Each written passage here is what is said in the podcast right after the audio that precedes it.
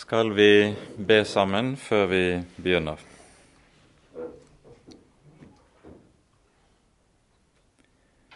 Kjære gode Herre, så kommer vi sammen inn for dine øyne. Vi ber deg, Herre, kom du selv og vær hos oss slik du har lovet det. Du, Herre, har lovet at du vil møte oss i og gjennom ordet ditt. Og Nå ber vi, Herre, at du vil gjøre nettopp det du har sagt. Kom til oss med din Hellige Ånd, for at vi må få kjenne deg rett. Fri oss, Herre, og frels oss fra alt vårt eget, og før oss inn i det som er gitt av deg, det som du har gitt oss i din Sønn, i ditt ord, for at vi må bli frelst. Herre, kom. Herre, forbarm deg over oss, du. For Jesus skyld. Amen.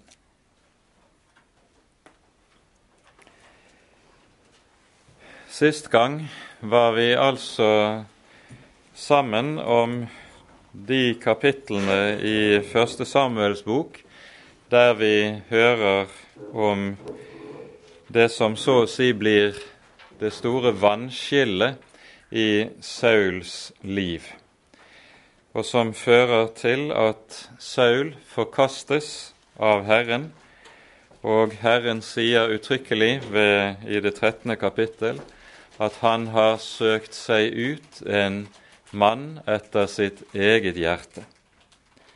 Saul får høre at mens han var liten i egne øyne, da er det at Herren kaller ham og setter ham til fyrste over sitt folk.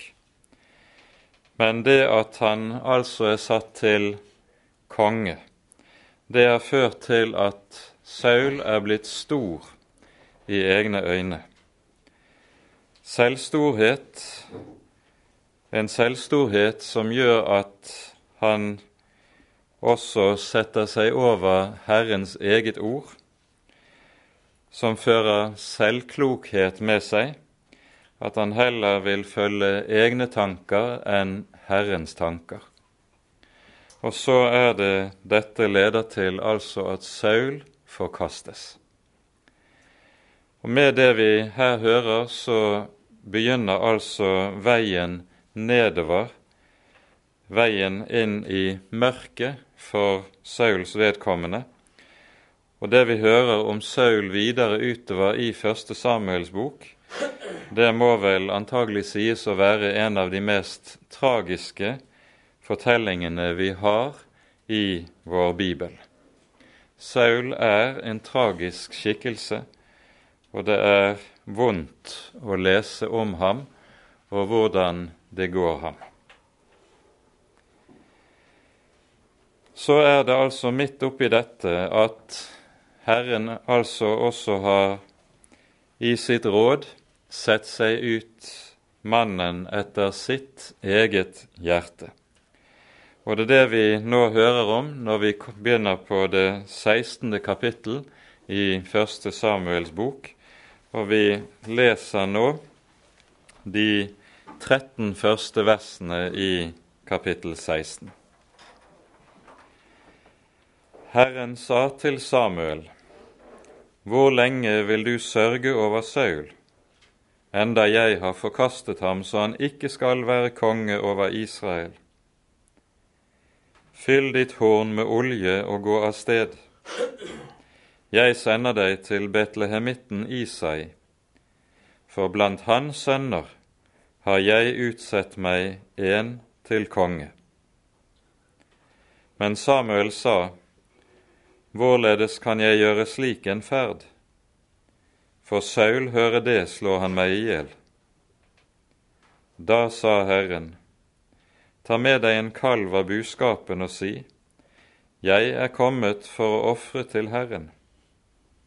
Og innby i seg til ofringen, så vil jeg la deg få vite hva du skal gjøre. Og du skal salve for meg den jeg sier til deg. Samuel gjorde som Herren sa. Da han kom til Betlehem, gikk byens eldste ham skjelvende i møte og sa, Kommer du med fred? Han svarte, Ja, jeg kommer med fred. Jeg er kommet for å ofre til Herren. Hellige dere og kom med meg til ofringen. Og han lot Isai og hans sønner hellige seg og innbød dem til ofringen. Da de kom og han fikk se Eliab, tenkte han, visselig står her for Herren hans salvede.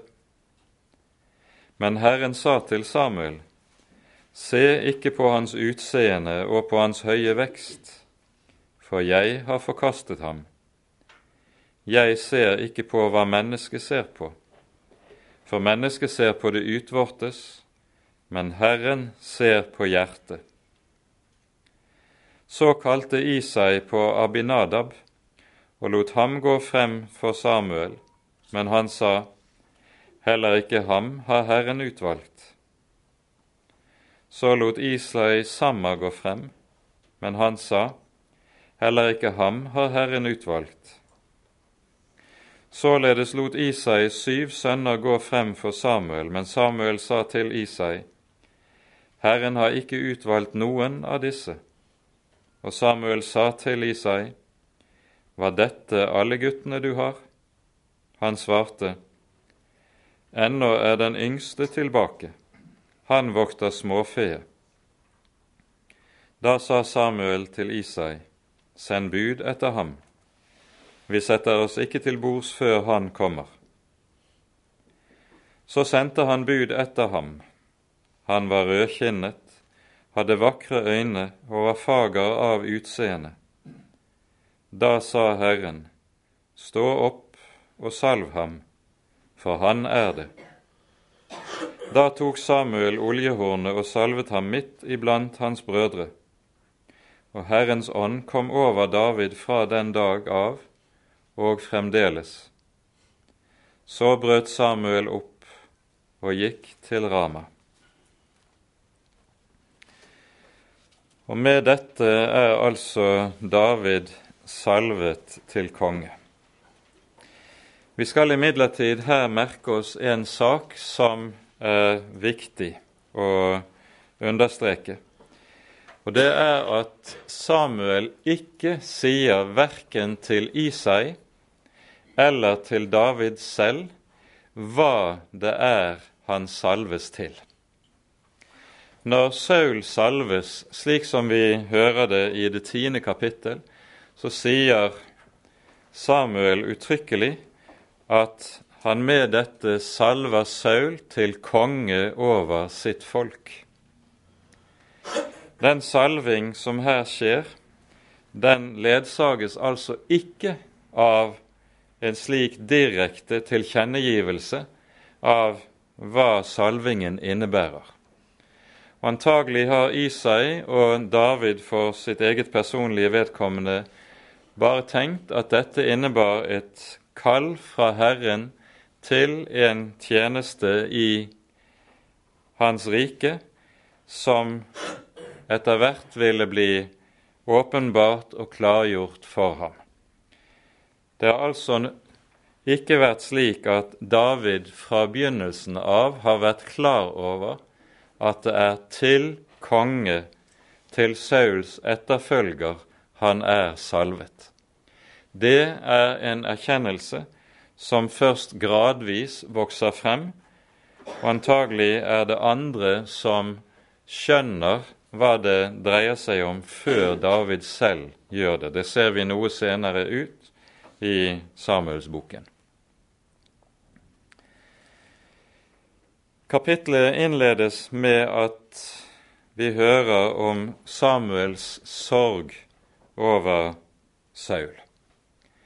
Og dette skal vi merke oss, for i det foregående kapittel så har vi jo hørt Samuel tale meget skarpe og meget harde ord til Saul. Og vi har lett for å tenke sånn at når den slags harde og skarpe ord lyder, så er det fordi det kommer fra et hardt hjerte, et hjerte som er fylt av vrede eller av bitterhet.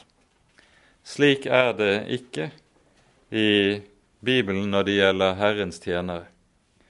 I stedet ser vi at Samuel av hjerte sørger over Saul. Det er jo fordi Samuel helt klart har vært glad i Saul, og han sørger over det han ser skje med Sauls person i denne perioden.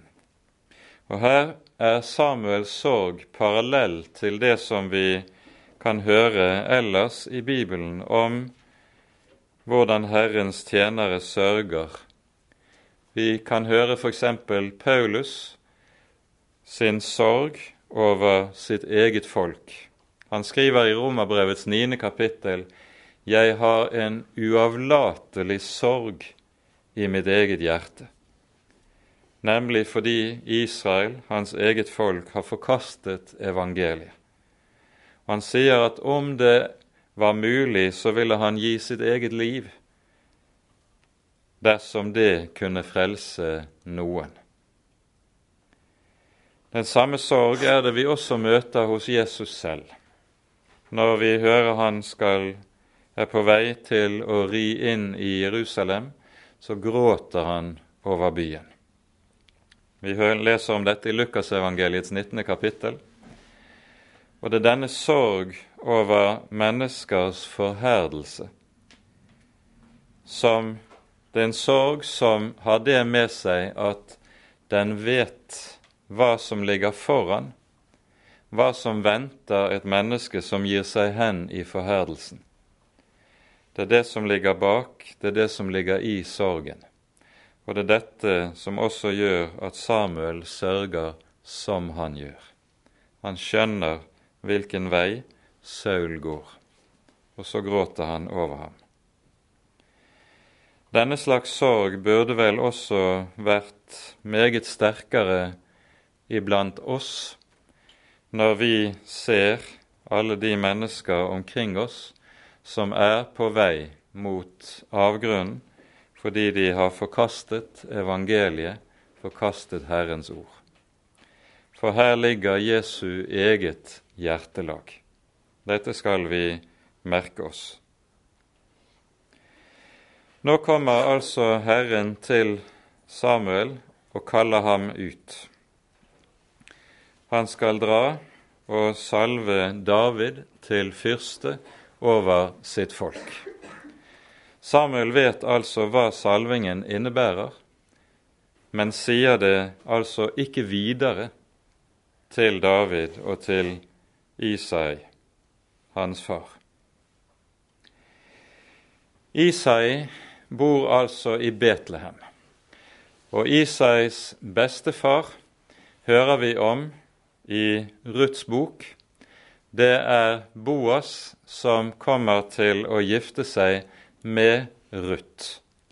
Og Grunnen til at vi har Ruths bok i Bibelen, det henger nettopp sammen med at derved får vi Davids, og med det også Messias, stamtavle fullstendig gitt oss i Skriften.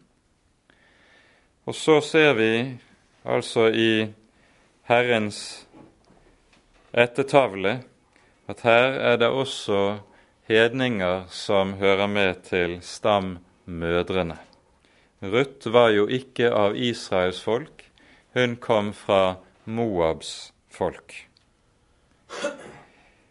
Det vi leser i Ruths bok om Boas og Ruth, det viser oss en familie der Herrens frykt så å si gjennomtrenger alle sider av livet.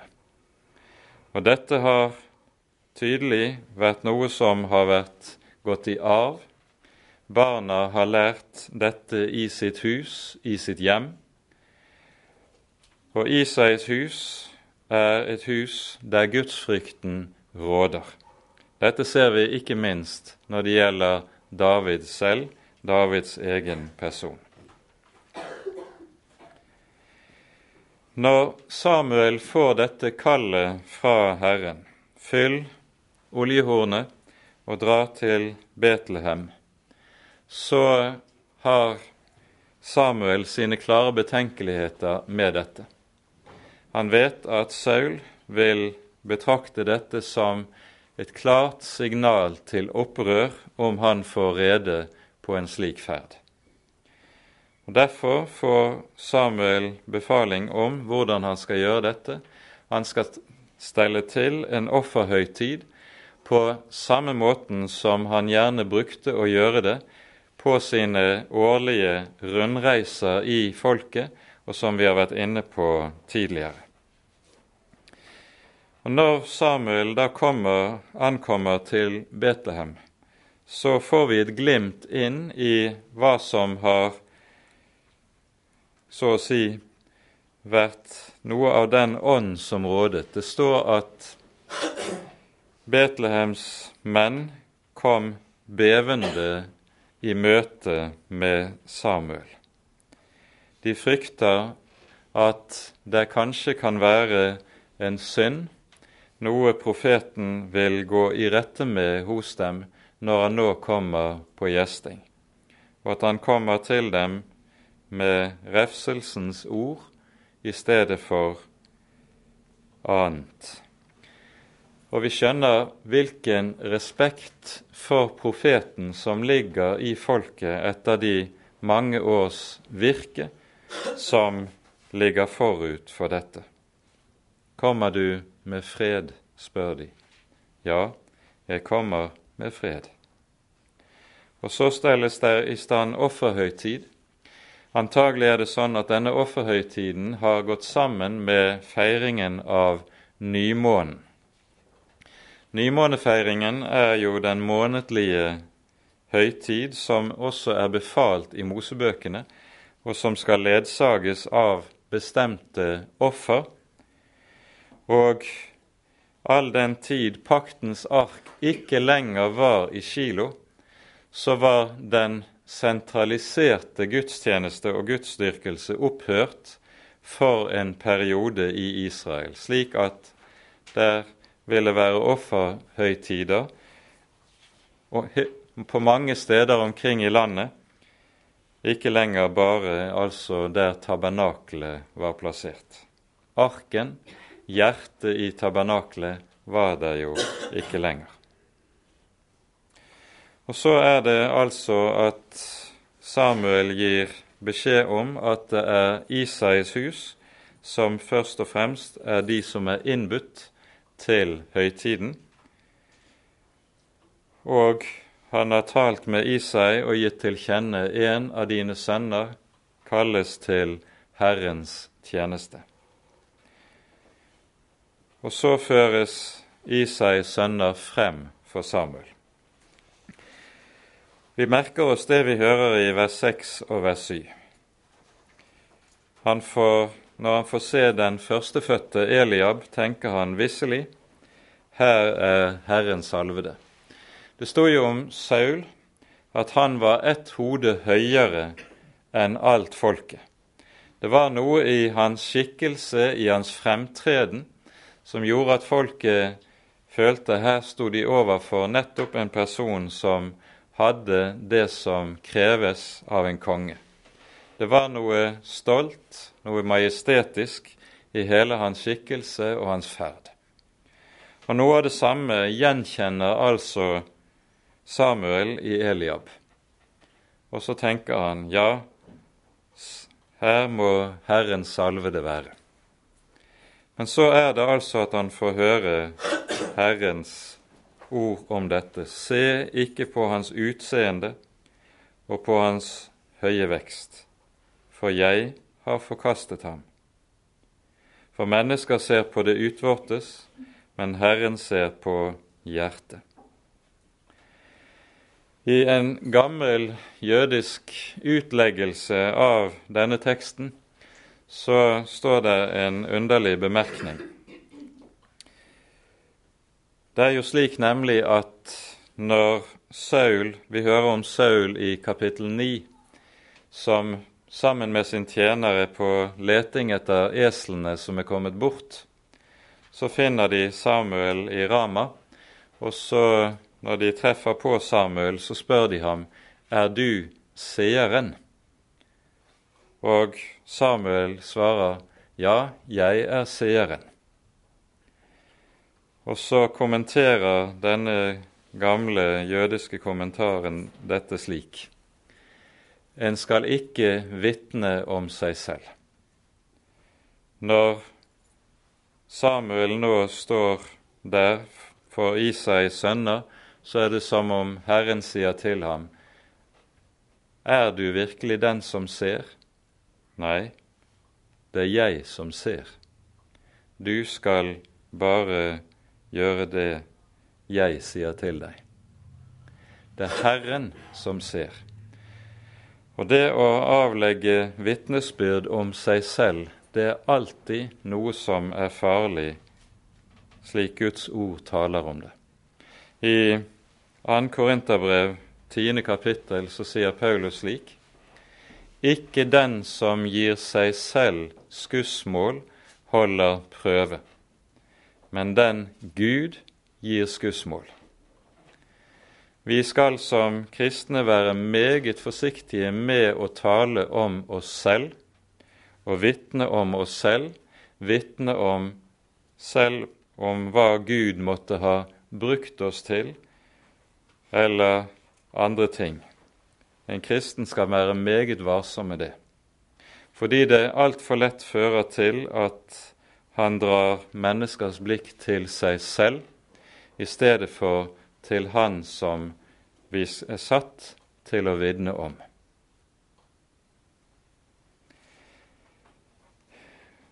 Så føyer Herren altså til Mennesker ser på det utvortes, men Herren ser på hjertet.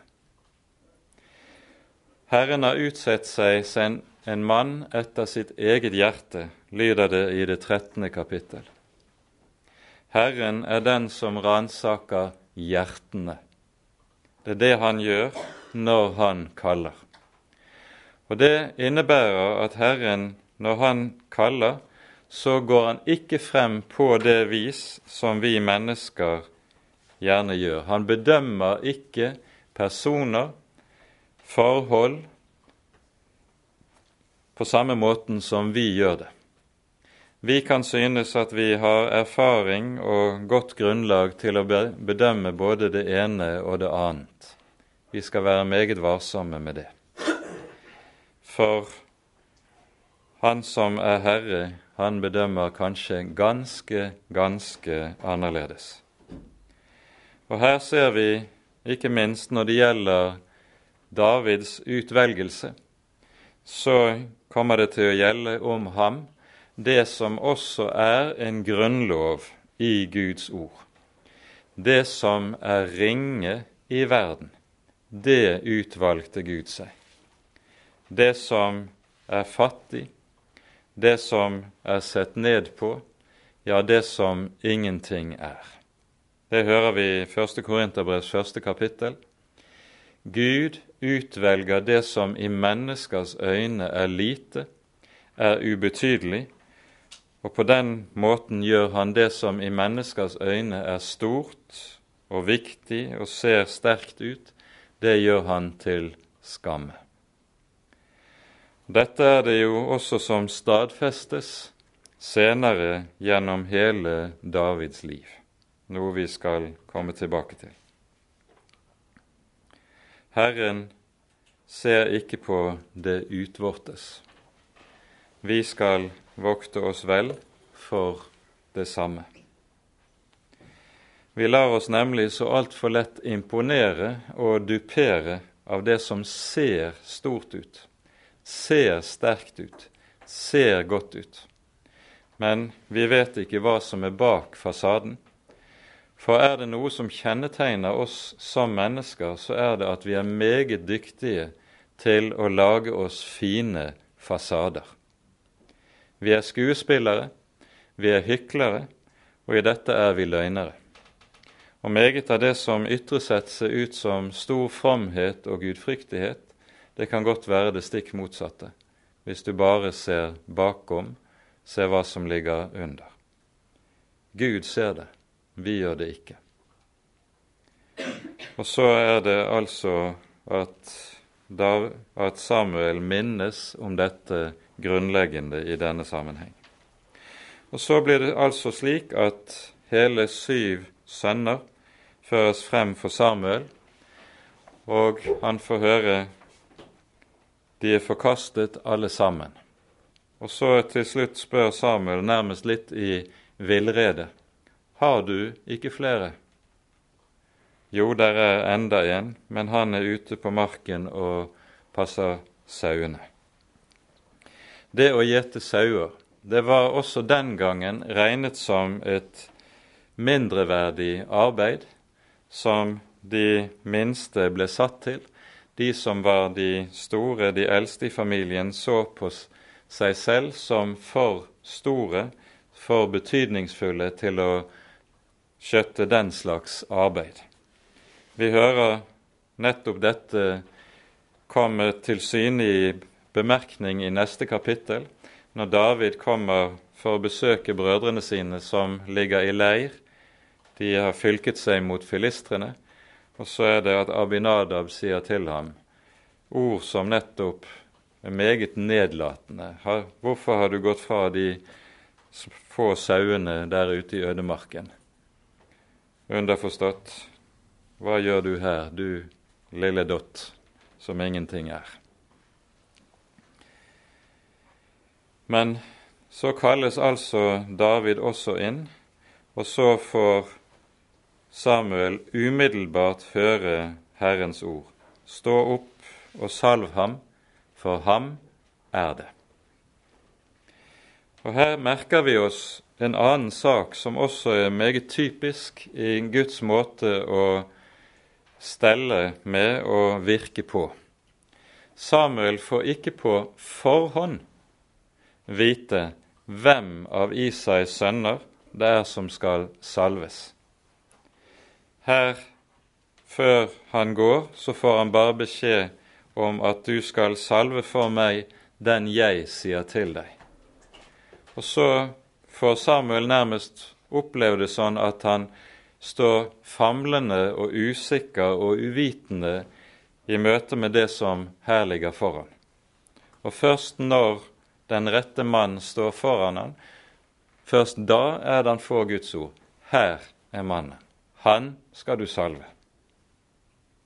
Han får så å si bare vite ett skritt av gangen, men han får ikke vite det som ligger 10-20 skritt foran.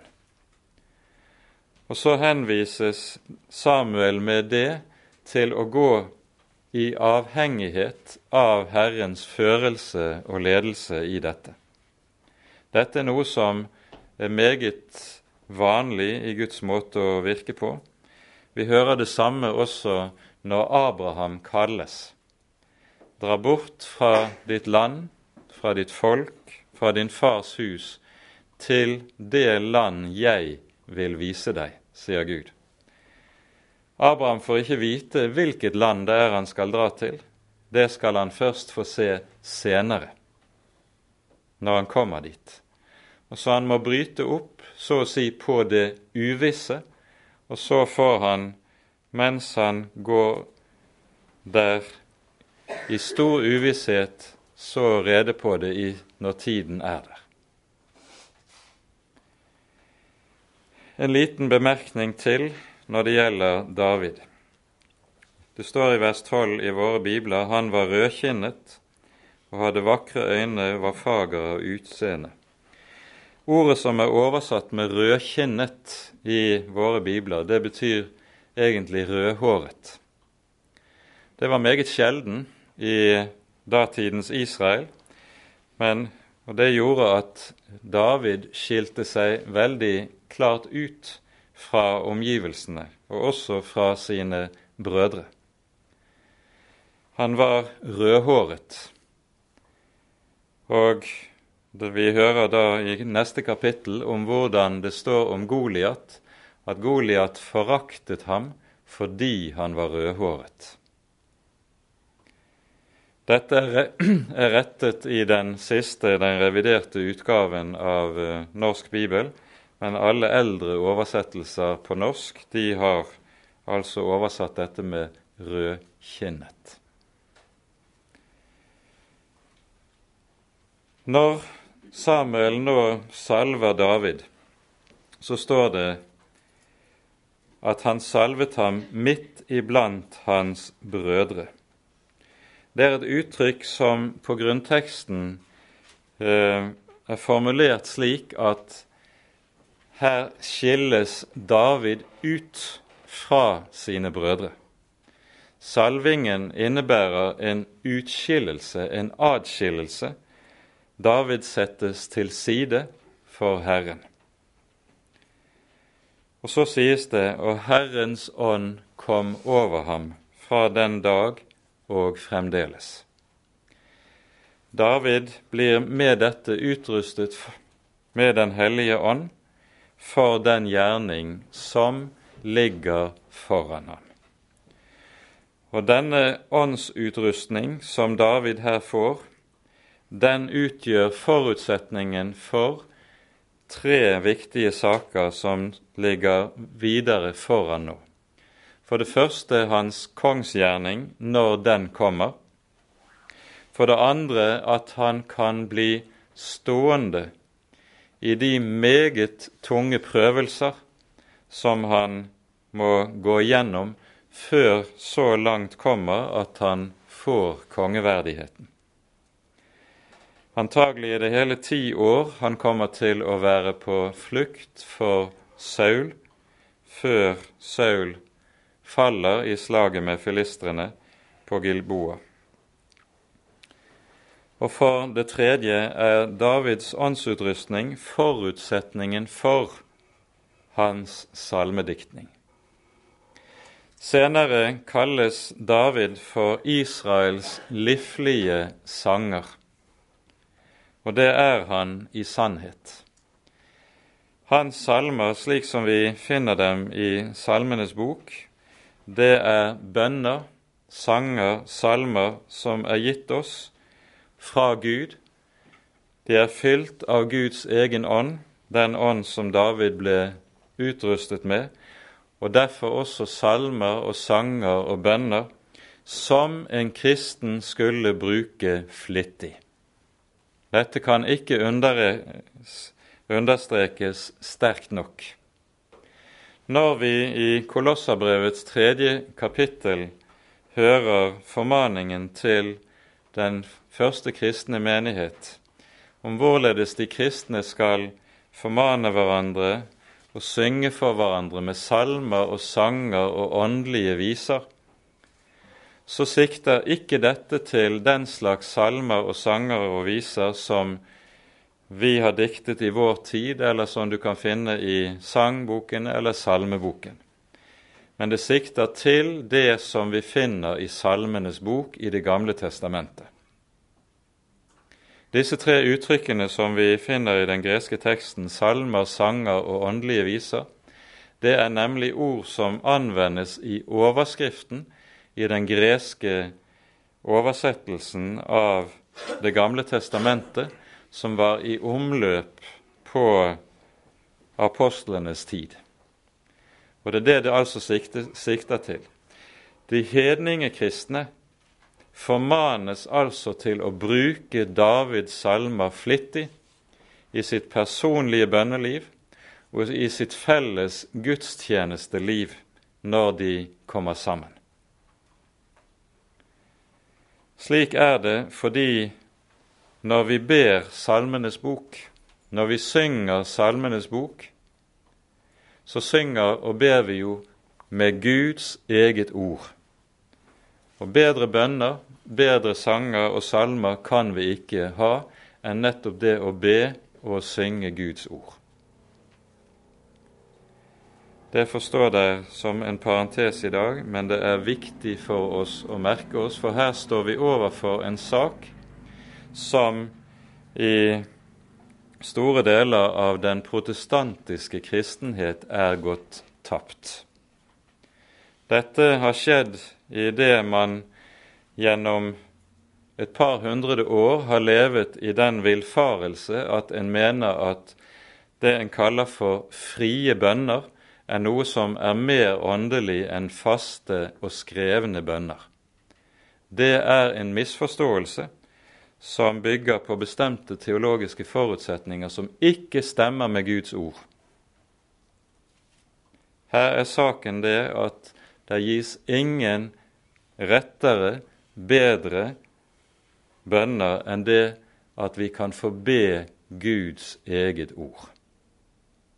Dette er viktig å være klar over. Men med det får parentesen være slutt. David utrustes altså med dette med Herrens ånd, og i dette så ser vi det samme hos David som tidligere også skjedde hos Saul. Når Saul salves, så følger, følges det av at han også mottar Den hellige ånd med tanke på sin gjerning. Men her faller altså Saul i synd, som gjør at Skriften kan si om dette han gjorde Den hellige ånd sorg. Når David senere ser tilbake på hva som skjer med Saul, leser vi i Salme 51 slik:" Kast meg ikke bort fra ditt åsyn, og ta ikke din hellige ånd fra meg. Så er det jo slik at David har sett for sine egne øyne hvor ulykkelig det kan gå et menneske som gjør Den hellige ånd sorg, og som så ikke vender om igjen. Og etter sitt dype fall med Batseba, og der han er ansvarlig for Urias død, så ber han i angst til Herren slik:" Kast meg ikke bort fra ditt åsyn, ta ikke din hellige ånd fra meg. La det ikke gå med meg slik som det gikk med Saul. Hjertet hans fylles av angst med tanke på det. Og Dermed så går vi over til neste avsnitt og leser fra vers 14 og ut kapittelet. Herrens ånd vek fra Saul, og en ond ånd fra Herren forferdet ham. Da sa Sauls tjenere til ham, Vi ser at en ond ånd fra Gud forferder deg. Herre, by bare dine tjenere som står for ditt ansikt, og oppsøke en mann som er kyndig i å spille harpe. Når da en ond ånd fra Gud kommer over deg, da skal han spille på sin harpe, og da vil det bli bedre med deg. Da sa Saul til sine tjenere, Ja, Finn meg en mann som spiller godt, og før ham hit til meg. En av de unge menn svarte og sa, Jeg har sett en sønn av betlehemitten Isai, som er kyndig i å spille, en djerv mann og en stridsmann som er god til å tale for seg, og en vakker mann, og Herren er med ham. Da sendte Saul bud til Isai og lot si, Send hit til meg din sønn David, han som er med småfe. Så tok Isai et asen som han lesset brød på, og en skinnsekk med vin og et kje, og sendte det med sin sønn David til Saul.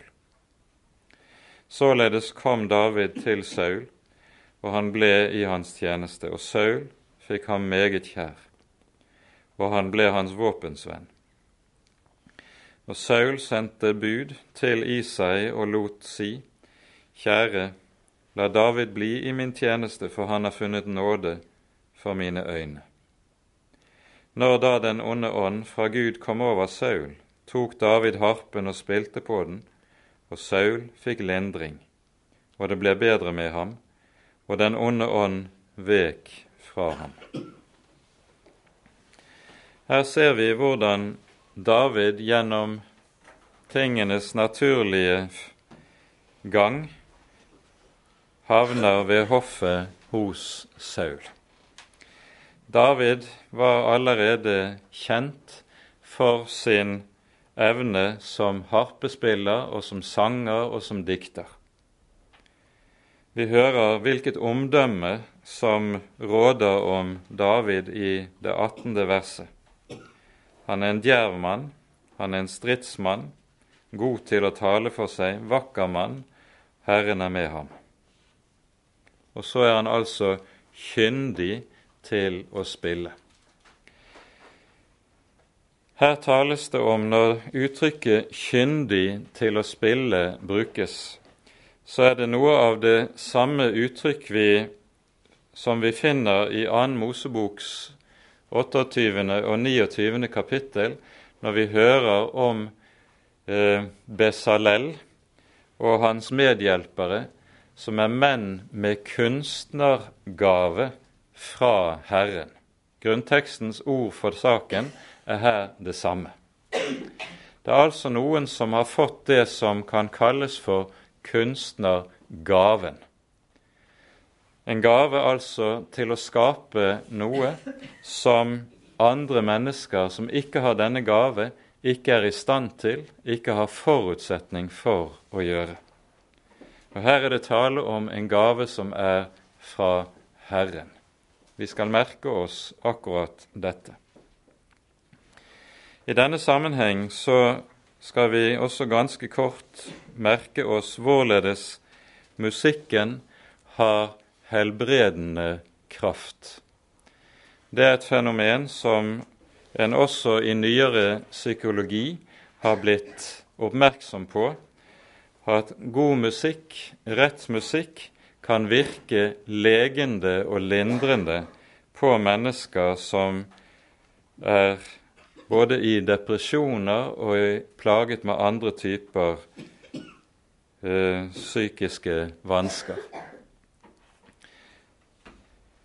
Musikken har altså meget med seg som det ikke alltid er så lett å sette ord på, men har noe av denne evne og kraft i seg. Luther taler på samme måte om musikkens sterke, legende evne, og taler om hvorledes man, når mørke tanker er, trenger på en, så skal en gi seg musikken i vold. For den kan jage både de mørke tanker på dør og ja, selv djevelen og hans anfektelser på dør, når så skal være. Vi hører tilsvarende der tales om musikk i forbindelse med profeten Elisas virke i annen kongebok, om hvorledes det også der har noe av den samme effekt. Men her skal vi merke oss at musikk og musikk er to forskjellige ting. Det gis både musikk som nettopp har denne legende, sunne og helbredende virkning, og det er musikk som har den motsatte virkning. Dette henger sammen med at vi lever i fallets verden, noe som innebærer at syndefallet har satt sitt preg også på alle ulike kulturytringer. Og Derfor er det slett ikke slik at alle kulturytringer, alt som skapes ut fra en kunstnergave, er godt og rett. Det kan også være det rakt motsatte. Og Så det, dreier det seg om, når man skal bedømme det som har med kunst å gjøre, og med musikk å gjøre, å ha dømmekraft til å kunne skille mellom det som er oppbyggende, og godt og rett, og det som bryter ned og er skadelig og usunt. Vi skal ikke si meget mer om dette her, men vi kan godt ta dette med oss i denne sammenheng. For dette er et område som det nok tales altfor lite om, men som er viktig å være oppmerksom på i Guds folks liv i dag. David kommer altså til Sauls hoff med den gave på grunn av den kunstnergave han har fått fra Herren. En gave som så altså helliges og foredles gjennom at han får Den hellige ånds utrustning. Og så blir han en trøster, en som kan gi lindring til Saul i hans mørke. Når det står om at Saul både berøves Herrens ånd, og at Herren i stedet sender en ond ånd som periodevis altså plager ham, så ser vi i dette en Guds dom over Saul. Denne dom gjør at Saul tidvis er inne i et forferdelig mørke som eh, er av en slik art at alle som er omkring ham, ser det. Det er helt påtagelig at Saul er uten Herrens ånd og nå beherskes av noe annet. Og Det vi her ser skje, det er noe Jesus er inne på når han taler om disse ting i Matteusevangeliets tolvte kapittel. Der taler han om hva som skjer når et menneske blir befridd fra en ond ånd. Og dersom så huset blir stående tomt, altså dersom det at et menneske er blitt befridd fra en ond ånd, ikke fører med seg at Den hellige ånd kommer inn i stedet, dvs. Si at den det gjelder, ikke blir et Guds barn etter å ha fått hjelp. Da vil det bare være et tidsspørsmål før det alvorlige vil komme til å skje, at ånden som har forlatt ham, vender tilbake for å se hvordan det er, og når han finner huset feiet og tomt, tar den med seg syv andre ånder verre enn den selv. Og så blir det siste verre med den person enn det første forteller Jesus. Det er noe av dette som altså har skjedd med Saul. Han er kommet inn i et stort mørke. Huset har stått, blitt stående tomt, for Herrens ånd er borte, og så kommer en annen ånd inn i stedet. Det er vondt å lese om det som her skjer med Saul.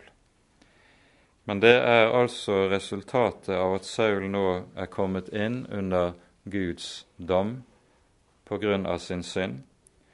Guds dom som rammer ham fordi han ikke er sannferdig. Det er jo det vi leser i det 15. kapittel, hvordan Saul lyver for Gud og lyver for seg selv når han møtes av Guds ord. Det er det som er noe av det farligste et menneske kan komme til å gjøre. Vi skal ikke tale mer om det, det talte vi om sist gang. Vi går nå videre til det 17. kapittel, der vi hører om kampen mellom David og Goliat. En historie som vi kjenner fra, like fra barnsben av og fra søndagsskolen alle sammen. Det er en vidunderlig fortelling som bærer i seg langt mer enn bare det at den som er liten og svak, kan seire over den som er stor og sterk. Vi leser fra første verset. Filistrene samlet nå sine hærer til strid og kom sammen i Soko, som hører til Juda, og de slo leir mellom Soko og Asekave Efesh Damin. Og Saul og Israels menn samlet seg, og de leiret seg i Terebintedalen. De fylket seg mot filistrene. Filistrene sto ved fjellet på den ene siden og israelittene ved fjellet på den annen side, så de hadde dalen imellom seg. Da gikk en tvekjemper ut av filistrenes leir. Han het Goliat og var fra Gat, han var seks alen og ett spann høyt, høy. På hodet hadde han en kobberhjelm og var kledd i en skjellbrynje, og brynjens vekt var 5000 sekel kobber. Han hadde kobberskinner på leggene og et kastespyd av kobber på ryggen. Skaftet på hans spyd var som en veverstang, og odden på hans spyd veide 600 sekel jern, og hans skjoldbærer gikk foran ham. Han sto frem og ropte til Israels fylking og sa til dem:" Hvorfor drar dere ut og fylker dere til strid? Er ikke jeg filisteren og dere Sauls treller? Velg dere en mann og la han komme ned til meg. Hvis han kan stride med meg og felle meg, så skal vi være deres treller. Men hvis jeg får bukt med ham og feller ham, så skal dere være våre treller og tjene oss. Så sa filisteren, I dag har jeg hånet Israels fylking. Kom hit med en mann så vi kan stride med hverandre. Da Saul og hele Israel hørte disse filisterens ord, ble de forferdet og fryktet storlig. Her er altså scenen malt ut for oss. Stedet det her er tale om, det ligger en ca. 20 km sydvest for Betlehem, for Davids fødeby. Det er et bredt dalføre som er slik at det ender i vest med at det deler seg i to grener. Den ene grenen munner ut ved filisterbyen Gatt, den andre ved filisterbyen Ekron. Og her, like ovenfor der dalen deler seg i disse to grenene, er det hærene har leiret seg. Filistrene ligger i fjellskråningen som ligger mot syd, og Israel i fjellskråningen mot nord med det åpne dalføret imellom seg. Og Da har du likesom da et amfi der Goliat stiger frem og spotter Israels folk. Grunnen til at filistrene nå på ny har mannet seg opp til å kjempe med Israel, er Muligens det at de har hørt rykte om at Herrens ånd har forlatt Saul, og at han dermed ikke lenger kan dra i striden under Herrens vern, og at Herren vil være den som strider for ham. Da kan de ta mot til seg på en helt annen måte enn tidligere. Goliat hører til kjempeslekten. Det er en slekt av eh, kananittene som vi hører om to steder tidligere i vår bibel. Det er Anaks etterkommere, og vi hører disse holdt til i byen Hebron, som het Kiryat Arba, før Israel inntok landet.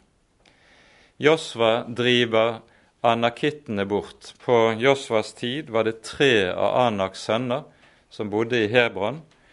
De fly, må flykte for Josva, og vi hører de slår seg til nettopp i filisterbyene Gat og Ekron. Og Goliat er da en etterkommer av disse. Når vi hører om Goliats kroppsstørrelse, så innebærer dette at han er vel tre meter høy. Han er en kjempe. Mennesker av en slik kroppsstørrelse har det eksistert like opp til våre dager også, selv om det er ganske sjelden. Men dette er altså Goliat. Når vi hører om rustningen han har på seg, så veier den en ca. 55 av 60 kilo, hvis vi omsetter det til våre vektmål. Så det er ikke småtterier David blir stående over for. Han er en fryktinngytende mann. Og når Saul nå er uten Herrens ånd, så gripes både han og derfor også hele hans folk av angst i møte med Goliat. Hvem tør møte en slik tvekjemper?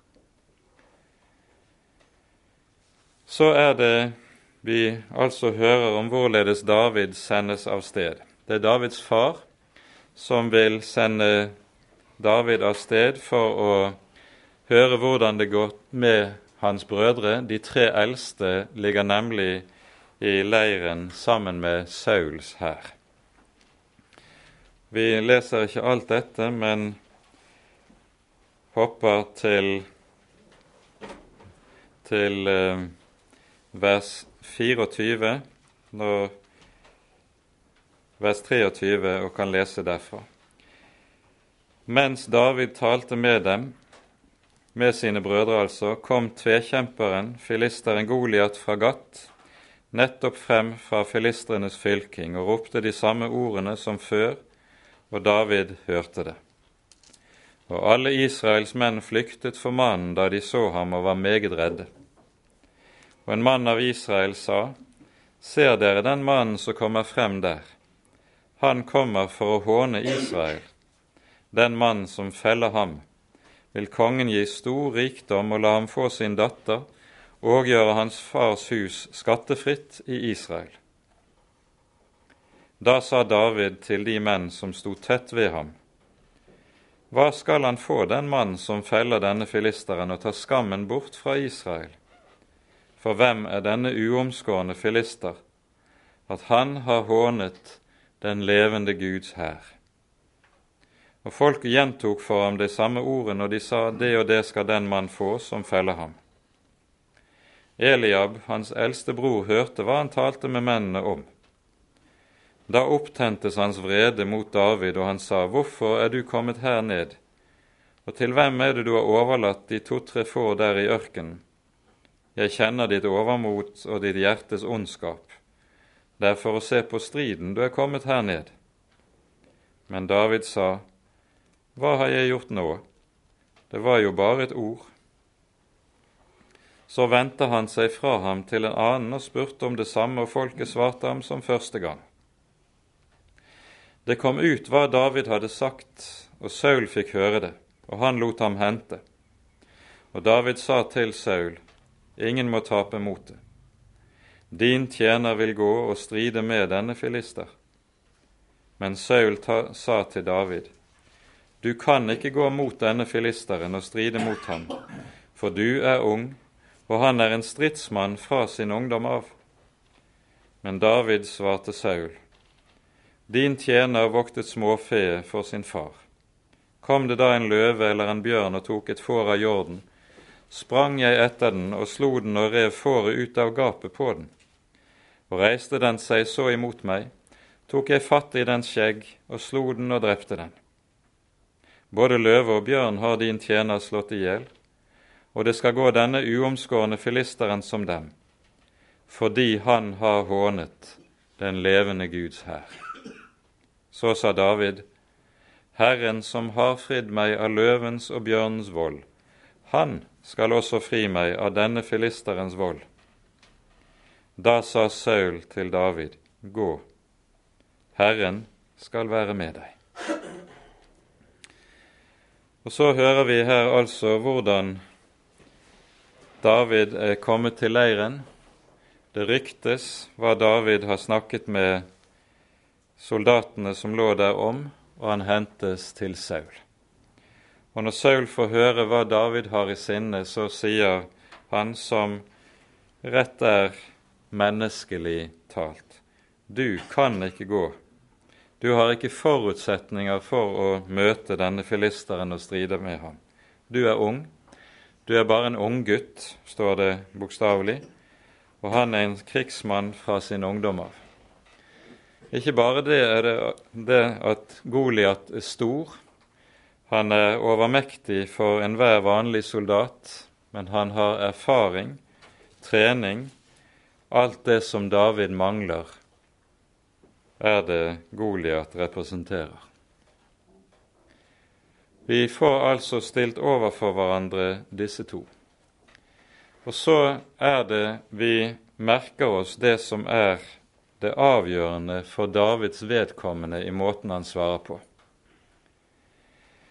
Når Saul sier 'Du, David, kan ikke møte Goliat', du har ingen forutsetning for å stride med ham, så svarer David, ja, men Goliat kan ikke kjempe mot Herren.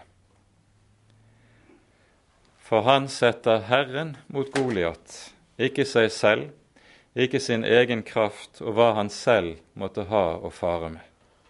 Når han selv er uredd, så er det fordi han både har vært ute for i stor fare tidligere for sin egen del, og dernest i den store fare har erfart Herrens hjelp, Herrens omsorg, at Herren fridde ham ut av nøden. Og det er med den vissheten David går. Vi leser nå videre fra vers 38. Saul lot så David få sine egne klær, satte en kobberhjelm på hans hode og hadde på ham en brynje. Og David bandt hans sverd om seg utenpå sine klær og ville til å gå, men han hadde ikke prøvd det før. Og David sa til Saul, Jeg kan ikke gå med dette, for jeg har ikke prøvd det før. Og David tok alt dette av seg igjen. Og han tok sin stav i hånd, søkte seg ut fem glatte steiner i bekken. Dem la han i hyrdetasken som han hadde med seg, og sin slynge hadde han i hånden, og så gikk han frem mot filisteren. Og filisteren kom nærmere og nærmere bortimot David, og hans skjoldbærer gikk foran ham.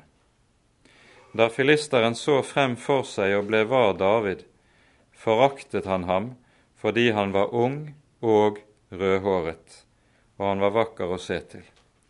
Og filisteren sa til David, Er jeg en hund siden du kommer mot meg med kjepper? Og filisteren bannet David ved sin Gud. Så sa filisteren til David, Kom hit til meg, så skal jeg gi ditt kjøtt til himmelens fugler og markens dyr.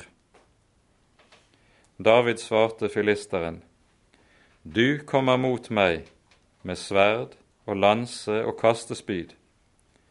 Men jeg kommer mot deg i Herrens, herskarenes Guds navn, Han som er Gud for Israels fylkinger, Han du har hånet. På denne dag skal Herren gi deg i min hånd, og jeg skal slå deg i hjel og skille ditt hode fra din kropp.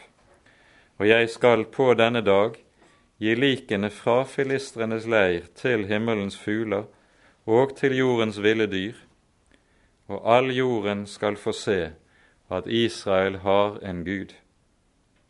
Og hele dette folk skal få se at det ikke er ved sverd og spyd Herren frelser. For Herren råder for krigen, og Han skal gi dere i vår hånd. Da nå filisteren gjorde seg rede og gikk frem og kom nærmere bortimot David, skyndte David seg og sprang frem mot fylkingen, filisteren i møte. Og David stakk sin hånd i tasken og tok frem av den en stein. Den slynget han ut og traff filisteren i panen, og steinen trengte dypt inn i hans panne, og han falt på sitt ansikt til jorden. Således vant David over filisteren med slyngen og steinen, og han slo filisteren og drepte han, enda David ikke hadde noe sverd i sin hånd. Og David sprang fram og stilte seg tett ved filisteren og tok og dro hans sverd ut av skjeden og drepte ham og hogg hans hode av med det. Og da filistrene så at deres kjempe var død, tok de flukten. Da gikk Israels og Judas menn frem oppløftet krigsropet og forfulgte filistrene til bortimot Gatt og like til Ekrans porter. Og det lå falne filistere på veien til Saarim, helt frem til Gatt og Ekron. Og så er altså seieren vunnet. Vi skal merke oss et par viktige saker i dette.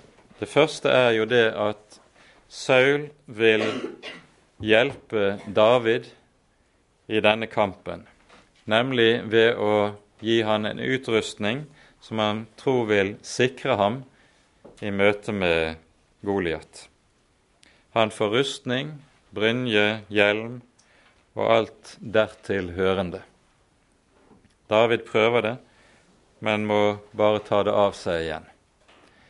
Og vi merker oss det som er avgjørende i Herrens strid, det er ikke å bli ikledd det som menneskelig talt duger, men bli avkledd det som menneskelig talt duger. David må avkles for å kunne møte Goliat. Og så er det dermed slik at det som stadfestes med denne kamp, det er det som vi senere møter om igjen og om igjen i Skriften. Guds kraft fullendes i svakhet. Herren gir ikke seier, overvinner ikke motstanden gjennom å gjøre sine sterke, men motsatt gjennom å avkle dem, slik at de i sin avkleddhet, i sin hjelpeløshet, er avhengige av ham. Og Så skjønner vi at når David nå møter Goliat, så blir det ikke å kjempe på menneskelig vis, med menneskelige våpen og med menneskelig styrke. David sier du kommer imot meg med sverd og lanse og spyd og rustning. Jeg kommer imot deg i Herrens herskarenes Guds navn. Det som vi står overfor her, det er det som er så å si det grunnleggende som Guds folk alltid har å stå overfor når de står i strid. Man møter kjød, og kjødet ser ut til å være overmektig. Og Det som da er Guds folks fristelse, det er å møte kjød med kjød. Men det de skal møte kjød med, det er med ånd. Man skal ikke stride på kjødelig vis, men på åndelig vis. Da blir kampen ganske annerledes. Og det er det det dreier seg om i denne sammenheng. Det vi ser virkeliggjort her hos David, det er nøyaktig det samme som skjedde ved inngangen i det lovede land. Når folket inntar landet, så er det ikke fordi de er sterkere enn kananittene. De er mindre, de er svakere. Men det er fordi Herren strider for dem. Dette innebærer at det som er det avgjørende i all strid, all nød, all kamp som Guds folk står oppe i, det er å eie vissheten om at Herren er her, han er med oss. Når Saul hadde tapt all frimodighet, så var jo det på grunn av at han visste Herren har forlatt meg. Når David er frimodig, så er det fordi han visste Herren er med meg. Han har meg i sin hånd. Vi leser i Salme 44 slik om dette når det ses tilbake på hvordan Israel inntok det lovede land. Vi leser vers 2 til 4. Gud, med våre ører har vi hørt. Våre fedre har fortalt oss den gjerning du gjorde i deres dager, i fardums dager. Du drev hedninger ut med din hånd, men dem plantet du. Du ødela folkene, men dem lot du utbre seg. For ikke ved sitt sverd inntok de landet, og deres arm hjalp dem ikke, men din høyre hånd og din arm og ditt åsyns lys for du hadde behag i dem. Og Det er nøyaktig på samme premisser altså at David vinner denne kampen. Det er ikke ved sverd, ikke ved makt, ikke ved kraft, men ved Herrens hånd. Og Dette er David seg meget bevisst. Og Det som er, da er betydningen av denne Davids kamp med Goliat og seieren over Goliat, det er at David ved sin tro, ved sin frimodighet, så representerer og legemliggjør David det som er Guds folks egenart som Guds folk. De har en Gud som ikke er som de andre gudene, og derfor er Guds folk heller ikke som de andre folkeslagene. Han er annerledes, og slik er Guds folk også det annerledes folket. Derfor lyder det om igjen og om igjen i Salmenes bok. En konge frelses ikke ved sin store makt, og en helst reddes ikke ved sin store kraft. Hesten er ikke å stole på til frelse. Den Herren ser til, er den som bier på hans miskunnhet. Det er altså ikke ytre makt det dreier seg om i Guds rike og for Guds folk, men det er den levende avhengighet av Herren selv. Det er det som David stiller frem for hele Israel gjennom denne kampen. Og derfor, fordi David med dette representerer det Israel er kalt til å være som Guds folk, så brukes det et særegent uttrykk i vers 47. Det står hele dette folk skal få se at det ikke er ved sverd og spyd Herren frelser. Det står bokstavelig hele denne menighet. Det brukes det gammel, gammeltestamentlige ordet for som anvendes om Herrens folk som menighet, som Guds menighet i denne sammenheng. Det er nettopp for å understreke betydningen av hva som her skjer. For i David og det Davids seier over Goliat kommer nettopp Guds folks egenart som Guds folk til syne. Alt dette sammenfattes for oss i den lovsangen vi hør, har hørt allerede i begynnelsen av første Samuels bok nemlig i Hannas lovsang. Her står det fra vers 4 og utover slik hvordan Herren, om hvordan Herren frelser. Kjempenes bue brytes sønder, og den snøblende omgjorde seg med kraft. Han gir den hungrige brød, men de mette lar han gå tomhendte bort. Herren døder og gjør levende, fører ned i dødsriket og opp derifra. Han reiser den ringe av støvet, den fattige av skarne, for å sette ham hos sitt folks fyrster. Dette er Guds gjerning, og det vi leser i Hannas lovsang, det er så å si i en konsentrert sum det som er innholdet i Guds måte å stelle med sitt folk som vi hører om det i Samuelsbøkene, og ikke minst med David selv. Med det setter vi punktum så langt. Ære være Faderen og Sønnen og Den hellige ånd, som var og er og være skal, en sann Gud, høylovet i evighet. Amen.